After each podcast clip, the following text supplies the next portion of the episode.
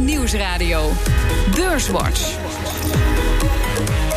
Rob Jansen.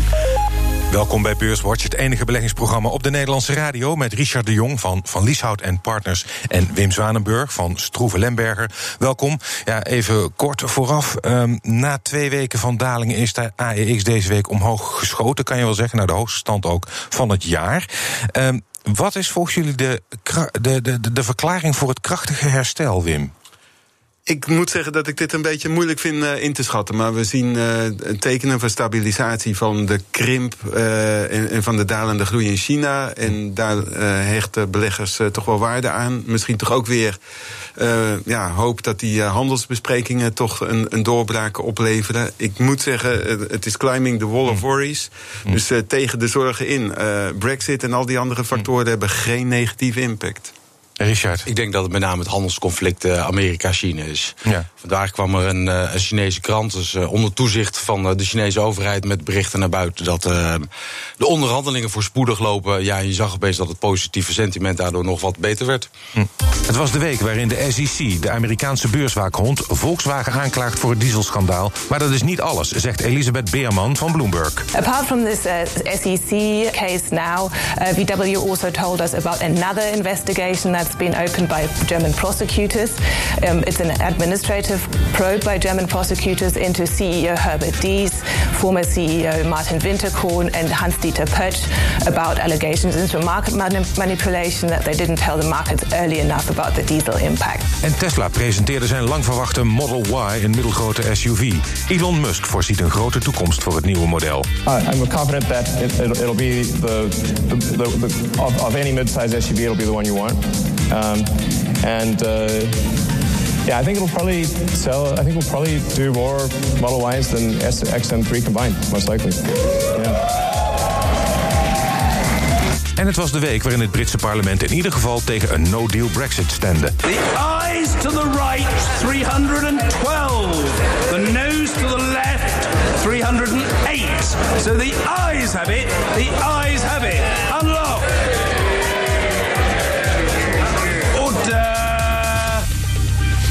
Ja, met uh, 312 stemmen tegen en 308, uh, 312 voor en uh, eh, 308 tegen zie je dat het parlement eigenlijk tot op het bot verdeeld is. Het had niet veel gescheeld of er was voor een harde brexit gestemd.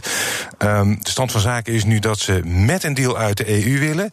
maar niet de deal die Theresa May heeft gesloten. En er komt geen tweede referendum, dat weten we ook. Um, ja, Richard, eh, eh,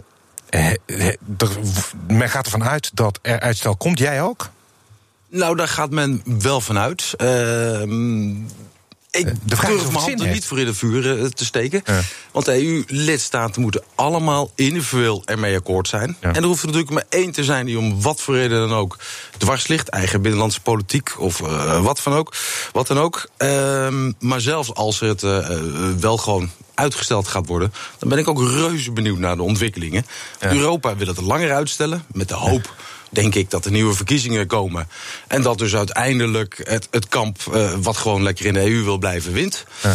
Uh, Engeland wil een korte uitstel met de hoop dat ze een betere deal kunnen onderhandelen. Terwijl Europa, wat mij betreft, al duidelijk heeft aangegeven: dit is de deal, ja. take it or leave it. Ja. Dus ik, ik, ik ben heel erg benieuwd naar de ontwikkelingen. En dat na bijna al die jaren wil ik toch even gezegd hebben. Ik, ik, ik vind het echt bijna schandalig dat het op het allerlaatste moment uh, hierop uitdraait. Ja. Um, Wim, um, je kan je afvragen, er komt, ga je er ook van uitstel of hou je ook nog een slag om de arm?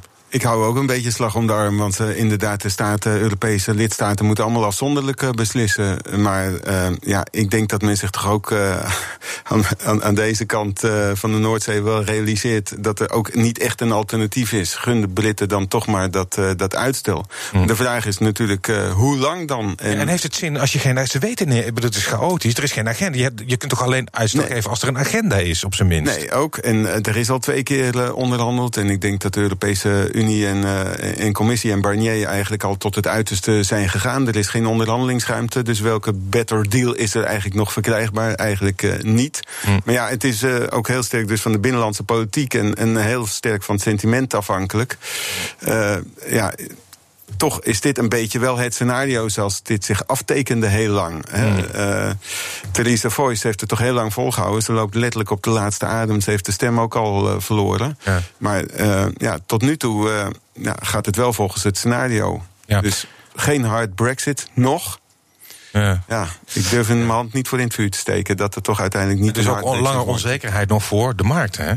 Ja. Ja, geen genoeg. Je zag nu toch ook, las je al wat analistenverklaringen... dat de markt juist eventjes opgelucht was uh, vanwege wat zich nu uh, afspeelde. Wat, wat mij uh, heel erg bevreemd, moet ik eerlijk zeggen. maar wat ik net ook al zei, het is een hele merkwaardige situatie... dat het Verenigd Koninkrijk nu wil onderhandelen voor een betere deal... Terwijl Europa heeft gezegd, Die dit is het. En Europa wil een, een lange uitstel met de hoop dat er verkiezingen komen. En dat er dus überhaupt geen brexit plaats gaat vinden. Ja, nou, ik ben benieuwd of de markten daar nog schokkerig op gaan. Nou, denk ik tot, tot nu toe althans niet. En zie, je, zie je in de, in de koers van het pond, en je ziet het ook in de FTSE... maar ook in uh, zeg maar de, de mid- en small caps in de, in de UK. Van de FTSE 100 kan je nog zeggen van die hebben internationale spreiding en exposure... en relatief geringe belangen. Als je kijkt, de grote spelers die de FTSE 100 uh, domineren... en ook de energie, die hebben internationale omzet hm. buiten het Verenigd Koninkrijk. Maar uh, ook die uh, toch wel van de UK uh, aandelen. En ook bijvoorbeeld uh, Britse bouwers, uh, nou, die doen het eigenlijk allemaal redelijk goed. Um, we hebben op het vasteland binnen de eurozone ook toch wel onze eigen problemen. Niet zo ernstig als natuurlijk als de brexit. Maar goed, de Duitse economie die heeft het zwaar. Vorige week al slechte cijfers over het aantal nieuwe orders. Deze week slechte cijfers over de industriële productie. Richard, raak jij onderhand niet zenuwachtig van de grootste economie in de eurozone en in de EU? Nou, ik raak, raak, eerlijk gezegd meer zenuwachtig hoe, hoe het überhaupt in Europa gaat. Het is natuurlijk niet alleen Duitsland uh, wat de afgelopen uh, tien jaar de kar heeft getrokken. En nu echt inderdaad uh, met rap tempo minder wordt. Komt natuurlijk deels, of voor een heel groot deel, wat mij betreft, ook door, door de autosector. Wat een heel groot onderdeel uitmaakt van de economie. En waar nu de hele die transitie mee bezig is. Handelsconflict met China, waar ze last van hebben. Krimp in China, waar ze last van hebben. Maar het is dus niet alleen Duitsland. Italië weten we allemaal, dat krimpt gewoon. Frankrijk is, uh, is ook geen optimale groei, om er maar eens uh, zacht uit te drukken. Ja. En de brexit waar we het nu net over gehad hebben... Komt daar dan nog bij? Dat komt daar nog eens een keer bij. we hebben wel een beetje gevolgen, maar nog niet de echt grote gevolgen. In aanvulling op, op Richard, je ziet wel dat het echt zich in de industriële sector uh, concentreert. Want als je kijkt in de dienstensector, dan gaat het, en kijkt daar ook naar bijvoorbeeld de inkoopmanagercijfers, dan gaat het toch alweer duidelijk beter. Ja. En uh, ook binnen de brede industrie, als je naar bijvoorbeeld de bouw kijkt in Duitsland, dan kunnen ze zelfs niet genoeg arbeidskrachten krijgen. Dus dat remt op een gegeven moment ook al een beetje de groei, maar loopt het eigenlijk wel redelijk goed. Hm. Het is echt heel veel in die auto-industrie en de daaraan gerelateerde toeleveranciers. Zeg jij ook van, nou ja, uh, er is nog geen reden dat de Duitse overheid bijvoorbeeld de economie actiever moet stimuleren? Uh, ze zouden het wel, uh, wel, wel kunnen als je, als je kijkt naar de Duitse overheidsfinanciën. maar uh, ja, het is harde discipline. de nul zwart point, wat, wat men samen met Frankrijk al wil af, afspreken. Dat is gewoon harde discipline wat de Duitsers mm. betreft. Mm. Maar goed, ik denk ook dat ze binnenlands ook wel het nodige kunnen. Bijvoorbeeld de infrastructuur, daar zouden de bestedingen zeker omhoog opgevoerd kunnen mm. worden. Ik denk al met name, als ik mag ja? interroperen ehm, als je in Duitsland op een terrasje uh, met je pin wil betalen, los van de alle, allergrootste steden, het lukt gewoon niet. Of is geen internet. nog, hè? Ja. Nou, in die zin valt er dus wel wat te stimuleren ja. voor de overheid. En moet je straks voorstellen dat we met z'n allen naar 5G gaan, om de dienstensector nog meer te optimaliseren. Dan heeft Duitsland echt een inhaalslag te maken. En je zei net al van uh, die auto-industrie die heeft vooral last bijvoorbeeld van, het, van de handelsconflicten. Betekent dat dat jij zegt van nou die Duitse aandelen, laat die voorlopig nog maar even liggen? Nou, wat mij betreft is het echt een value gap op dit moment. Uh, Als je de kranten niet hebt gelezen en je kijkt naar de, naar de waardering en het dividendrendement, dan denk je: het dividendrendement is prachtig. Afhankelijk welk aandeel je pakt, 5, 6, 7 procent. Ja. Waardering 8, 9 keer de winst. Hartstikke mooi, hartstikke laag. Alleen op dit moment, en ik vergeet nog even Dieselgate, daar hebben we het nog ineens over. Maar met alles wat er uh, eigenlijk de, de, de mindere groei in China, heel de transitie naar elektrisch rijden. Uh, en, en Dieselgate zou ik er op dit moment vanaf blijven. Zometeen praten we verder over beurs en economie, onder andere over het overnamebod op Wessaan. BNR Nieuwsradio. BNR Beurswatch. We bespreken de belangrijkste beursontwikkelingen van deze week. Dat doe ik met Richard de Jong van Van Lieshout en Partners... en Wim Zanenburg van Stroeven Lemberger. Maar eerst maken we even de balans op van de afgelopen week. De AEX die sloot op 552,2 punten. En dat is 4,1 procent hoger dan vorige week. Stijgers. Op 1 is Altis Europe de grootste stijger in de AEX. Vanaf maandag zitten ze daar niet meer in. Op 2 uh, ASML met een plus van 7,2 procent. En ING op 3 met een plus van 6 procent. En in de midcap uh, was het best presterende aandeel deze week aannemer BAM met een plus van 7,1 procent. Dalers. Dalers. Dalers. Normaal gesproken drie, maar uh, op deze goede beursweek zat er maar één daler in de AEX. En dat is Vopak met een minnetje van 0,2 procent. In de midcap was de grootste daler deze week Flow Traders met ook maar een minnetje van 0,8 procent.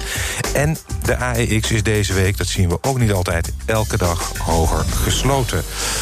Um, ja, een uh, prachtige beursweek. En ook wel een beetje een historische beursweek, denk ik. Want afgelopen zaterdag, precies tien jaar geleden, uh, sloot de AEX geloof ik op 199 punten. Inmiddels dus boven de 550. Natuurlijk ligt de financiële crisis achter ons. Um, maar ja, ik maak me af en toe nog wel eens zorgen, Wim. Bijvoorbeeld over het feit dat we hier in Europa zitten met een ECB die nog steeds de economie ja. uh, moet stimuleren. En, en ik heb nog steeds het gevoel dat we daar dat we nog steeds de naweeën of de rotzooi aan het opruimen zijn van tien jaar geleden. Is dat terecht? Nou, het, is wel, het is wel een enorme dreun geweest. En ook een enorme forse uh, winstdaling. Uh, een totale verlamming. Nog eens een keer in Europa gevolgd door een uh, forse echo. Hm. eigenlijk de global financial crisis die door een euro-financiële crisis werd gevolgd. Uh, het bankwezen, wat nooit echt hersteld is, wat eigenlijk, uh, maar toch wel de juiste maatregelen zijn genomen, ook dankzij ECB, om de financiële stabiliteit te garanderen. Ja. En uh, in dat opzicht ben ik niet zo bang meer voor een directe herhaling. Nee. Nou, ik, ik, ik, snap heel erg goed je bezorgdheid. Uh, om de financiële crisis op te lossen zijn er maatregelen genomen. die we met z'n allen deels nog nooit hebben meegemaakt. Nee. Dus ook mijn bezorgdheid was: ja, wat gebeurt er nou met de economie? Uh, als die maatregelen teruggedraaid worden. Nou, we hebben gelukkig in Amerika gezien, ze zijn nog niet allemaal teruggedraaid. De balans is nog steeds bijzonder lang. Maar daar zijn ze wel begonnen uh, met obligaties afstoten, met de rente te verhogen. En de wereld is niet vergaan. Sterker nog, deels door de belastingenmaatregelen uh, van Trump draait de economie in Amerika gewoon nog degelijk door. Ja. Dus de uh, hoop is. Zeg je wel iets heel belangrijks. Um, daar zijn ze misschien wel, hebben ze het wat beter getimed. Want als wij, wij gaan nu in een periode van ja, wat minder groei, misschien, misschien zelfs wel een recessie. Wat mij betreft wel. Er zijn, uh, behalve de, de, de, de, zeer bijzondere maatregelen die men enkele jaren geleden nam, het normale rentewapen, ja. dat kunnen wij niet hanteren in Europa. In Amerika wel. Hm. Kijk, ja, het punt is dat in, in, vooral in de VS is, uh, zijn de winsten heel fors verbeterd. En dat is een heel groot verschil met, uh, met Europa. Daarom heeft de Amerikaanse beurs, de S&P 500, of kijk ook naar de Dow Jones, het echt stukken beter uh, gedaan. Natuurlijk ook de, in de technologie sector, maar dat niet uitsluitend. Marges en, en bedrijfswinsten zijn in de VS veel beter opgelopen en hersteld dan in Europa. Hm. Ik ga naar uh, een individueel bedrijf. Vandaag is een van de oudste bedrijven van Nederland, Westzane, verdwijnt mogelijk van de beurs. Een Amerikaanse investeerder wil het samen met private equity partij PAI, Frans bedrijf, uh, van de beurs halen. Ze bieden 11,50 euro per aandeel. Um, Richard, is dat een prijs waar beleggers hun handen voor moeten dichtknijpen? Wat mij betreft wel. Um, we staan al boven het overnamebod trouwens. Dus wellicht dat sommige beleggers ervan uitgaan dat er nog wat meer in zit. Maar goed, de verwachte winst dit jaar uh, zal rond de 50 cent per aandeel zijn. Als je dan 11,5 euro voor je aandelen krijgt, 2, 23 keer de winst. Terwijl het dividend niet geweldig is, lijkt me hartstikke mooi. Het bedrijf groeit ook niet, hoewel ik het een heel mooi bedrijf vind met mooie producten hoor. Mm. Maar het bedrijf groeit niet hard. Uh, 1, 2 procent omzetgroei en dan 2, 23 keer de winst. Mm. Zou ik zeggen, strikt eromheen en, uh, en ja. wegdoen. Nee, de, de koers die nu boven het overnamebod staat, die suggereert een beetje van dat beleggers hopen dat er een biedingenstrijd komt. Maar gegeven het belang ook van een groot aandeelhouder die al ja, die heel veel stukken heeft, denk ik dat dat niet reëel is. En die heeft eigenlijk min of meer al ingestemd, maar heeft gezegd: ik wil zelf wel stukken van Wessane houden. Hmm. Dus die wil invloed in die compagnie uh, houden. En ja, ik denk dat er wel nog wat uh, te versleutelen valt operationeel. Maar als aandeel, het heeft zich niet hersteld van de klap vorig jaar. En analisten, ja, die die hadden koersdoelen die nou, in ieder geval nu niet boven dit overnamebod uitgingen gemiddeld. Dus ook jij zegt, ze moeten niet zeuren de aandeelhouders. Want er is ook een beetje gemopper van ja, die grote aandeelhouder die bepaalt eigenlijk wat er gebeurt. En dat blokkeert misschien een, een vijandig bod. Ja, ja, nou ja, goed, die had stiekem toch al zoveel stukken vergaard. En dan heeft hij toch de macht in handen. Zo, zo gaat dat. Maar ik moet zeggen, fundamenteel was dit een aandeel wat in het verleden zoveel teleurstellingen heeft opgeleverd. dat het ook wel een beetje uit mijn aandacht was, was weggezakt. Ja, ja. Um, over macht gesproken. Um, Apple is uh, dominant uh, op uh, bepaalde posities. Is natuurlijk een grote maker van ja, we kennen allemaal de producten van Apple. Ze hebben ook een App Store waar je apps kunt bestellen. En een aantal partijen is nu beu dat ze daar meer voor moeten betalen. En dat zijn met name de apps die daar te koop zijn, die diensten bieden die Apple zelf ook biedt. Apple heeft Apple Music, net als Spotify, een soort Spotify-achtige dienst. En Apple moet daarvoor, sorry, Spotify moet daarvoor 30% fee betalen. Ze zijn naar de EU gestapt.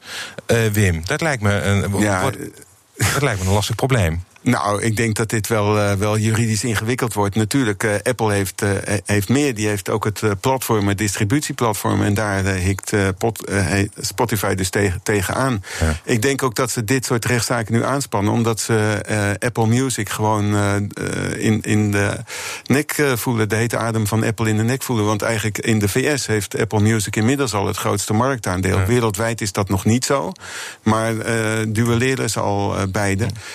Spotify die had de lead. En eh, eigenlijk is Apple Music pas negen jaar later echt uh, begonnen met, met Apple Music goed in de markt te zetten.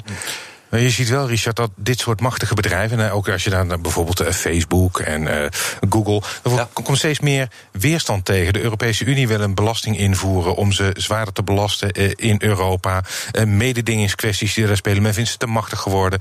Is dat ook niet een probleem voor beleggers straks, als die bedrijven misschien minder winst kunnen genereren omdat ze zich moeten opsplitsen? Nou, dat zijn, dat zijn eigenlijk heel veel punten die hier aankaart. Uh, de eerste is de, de belastingen. Het was natuurlijk mooi geweest als er één Europese belasting uh, kwam op de winsten of op de diensten of op het gebruik van uh, de techbedrijf of de technologie die ze aanbieden. dat gebeurt niet. maar landen gebruiken, althans dat is mijn mening, uh, de extra belasting als een mooie inkomstenbron. Wat natuurlijk uh, voor beleggers in de grote techbedrijven uh, wel degelijk een risico is. Hm. is de toenemende regulering. Hm. en in sommige opzichten wellicht ook, ook juist. Hm. Maar dat kan wel degelijk de, de toekomstige winsten onder druk zetten. Ja, economie die heeft zoveel specifieke kenmerken dat die zich ook voor deels onttrekt aan die uh, belastingheffing. En ja, het is onontkoombaar dat er toch wel wat maatregelen worden getroffen. Hm. En ook uh, privacy, die tech-concerns moeten meer gaan investeren. Dat zie je dit jaar ook met bijvoorbeeld een Facebook en ook met een alfabet van Google. Dat die marge uh, niet verder toeneemt. Dat de winstontwikkeling even, als je kijkt naar winst per aandeel, even stagneert. Maar je ziet de omzet toch nog steeds toenemen. De advertentievolumes enzovoort die ze bij social media plaatsen. En en ik denk dat dit dus een, eh, een tijdelijke uh, kwestie is. En de winstgroei is nog steeds ver boven gemiddeld. Een ander groot verhaal deze week was uh, Boeing. Natuurlijk de nasleep van de hm. vliegramp in Ethiopië met de Boeing 737 MAX. Die staan nu vrijwel overal aan de grond. Want misschien is de oorzaak wel hetzelfde als bij de ramp in Indonesië een paar maanden geleden. Met hetzelfde type vliegtuig. Het aandeel leverde fors in. Um, een harde tegen dat eh, in, uh, in, in waarde uitgegend om meer dan 20 miljard, geloof ik. Richard, is dat voor jou een reden om te zeggen van nou, Boeing maar even laten rusten? Jazeker, ja? zeker. Het is uiteraard nog afwachten waar het allemaal precies aan ligt. Ja. Maar vanmiddag in de auto hier naartoe mocht ik ook naar BNR luisteren. En Bernard Hammelburg kwam er met een heel mooi en goed verhaal over. Waarbij het erop lijkt dat het wel degelijk aan, aan de vliegtuigen ligt. Ja. Dan wel aan de software die het niet deed. Uh, of de piloten uh, daar voldoende kennis van hadden om dat te omzeilen. Kijk, wat je natuurlijk nu gaat krijgen, waar je als belegger rekening zou mee moeten houden. Er komt een, directe schade, de schadeclaims. Hm van de luchtvaartmaatschappijen, eh, van de overheden. Uh, maar uiteindelijk ook de beleggers zullen claims gaan indienen, zeker in, het, in Amerika. En uiteindelijk heb je hebt ook de, dat is misschien wel nog belangrijker, de indirecte schade. Er zijn nog heel veel van diezelfde toestellen die moeten geleverd worden. Rusland heeft vandaag al gedreigd, terecht. Uh, misschien moeten we onze bestellingen afzeggen. En wat je natuurlijk op een gegeven moment gaat krijgen als, als, als luchtvaartmaatschappij. Er zijn eigenlijk twee grote partijen, Boeing en Airbus. of je zegt tegen Boeing, ik ga naar Airbus, want ik, ik vind jullie vliegtuigen niet goed genoeg. Of je stapt naar Boeing toe en je vertelt hetzelfde verhaal. Eigenlijk met als doel om een mooie korting te bedingen. Uh, en beide is natuurlijk super nadelig voor de lange termijn omzet van zo'n bedrijf. Zie jij dezelfde uh, problemen voor Boeing, Wim? Uh, op korte termijn uh, wel. Op lange termijn, dit is een herstelbare fout. Daar ga ik ja? echt van uit. er zit iets in de, in, in, in de software, wellicht in de mechaniek. Maar dit zijn vliegende computers. En nou, die zijn een beetje on, on, onbestuurbaar geworden. Dus, maar dit is op, op te sporen. En ja. we hebben eerder gezien hè, dat Boeing problemen had met een nieuw toestel. Ik herinner even aan de Dreamliner. Ja. En ik denk toch, hè, de toename van de internationale luchtvaart de bestellingen die nog, uh, nog uitstaan. Maar dat dit korte termijn schade op gaat leveren. Koers van Boeing was heel erg hoog opgelopen ook. Een waardering ook. Dus uh, ik was al heel voorzichtig met het uh, aandeel. Het had echt een take-off genomen. En het is eigenlijk toch nog niet ver genoeg teruggevallen om aantrekkelijk te zijn. Ah, het, het, lijkt erop, en dit is keurig gestolen van Bernard Hammerburg. Ja. Maar het lijkt erop, dit was de laatste update. Uh, er waren nieuwe motoren. Ja. En dan was de software niet helemaal op, op aangepast. Ja. En ze hadden het zo verkocht uh, dat piloten geen nieuwe opleiding voor deze toestellen ja. hoefden te doen. Want het was hetzelfde toestel. Bij Airbus, een vergelijkbaar toestel, moesten piloten wel een nieuwe opleiding doen om het vliegtuig te kunnen besturen. Dus het lijkt erop dat Boeing niet helemaal binnen de lijntjes getekend heeft. Wat mij wel opviel was dat de koersdoelen van analisten toch heel vlak bleven en niet naar beneden kwamen. Nee. Dus lange termijn potentieel is er. Um, we zijn aan het slot van de uitzending. En dat betekent dat jullie de uh, luisteraar mogen verrassen met jullie tip. Richard, wat is jouw tip voor de beleggers deze week? Nou, ondanks dat de beurs uh, zo, zo, flink is hersteld, of misschien wel juist omdat de beurs wat uh, afgelopen maanden, ben ik iets voorzichtig geworden over het verdere verloop van de beurs. Mm -hmm. en daarom wil ik graag een, een trekker voorstellen met de verkoopopbrengst van GE. Toen ik hier twee maanden geleden was, er zit 25% winst op. Een trekker op de minimum volatility. Dat zijn wereldwijde aandelen met de laagste volatiliteit. Eigenlijk de laagste uh, koersuitslagen. En dat zijn vaak uh, de Unilevers van deze wereld, de farmacie, aandelen, nutsbedrijven. Dus de wat defensievere bedrijven. Defensieve aandelen. Wim, wat is jouw tip voor deze? Ja, Rob, afgelopen week heb je heel veel gehoord over de klimaatverandering en ja. klimaatdiscussie. En wij zien ook een toenemende interesse onder beleggers, ook onder onze klanten, voor sustainable, voor beleggen zeg maar, op een duurzame manier. En ook uh, welke beleggingsfondsen nou duurzaam zijn. En ik heb dus al die fondsen nog eens een keer door de molen gehaald. En tot mijn grote verrassing, en ik moet zeggen wel plezier, want je kent mijn interesse in het waterbeheer. Dat een waterfund, water management fund, notabene heel goed scoorde in de consistente, duurzame en ook betere performance. En uh, eigenlijk als een van de betere kwam daaruit de bus Robeco Sustainable Water Fund. Helder. Hartelijk dank. Richard de Jong van uh, Van Lieshout en Partners en Wim Zwanenburg van Stroeven Lemberger. Dit was BNR Beurswatch. Als u wilt reageren, dan kunt u een mail sturen naar beurswatch.bnr.nl of tweeten naar Rob. Terugluisteren kan via de site, de app, iTunes of Spotify. Graag tot volgende week.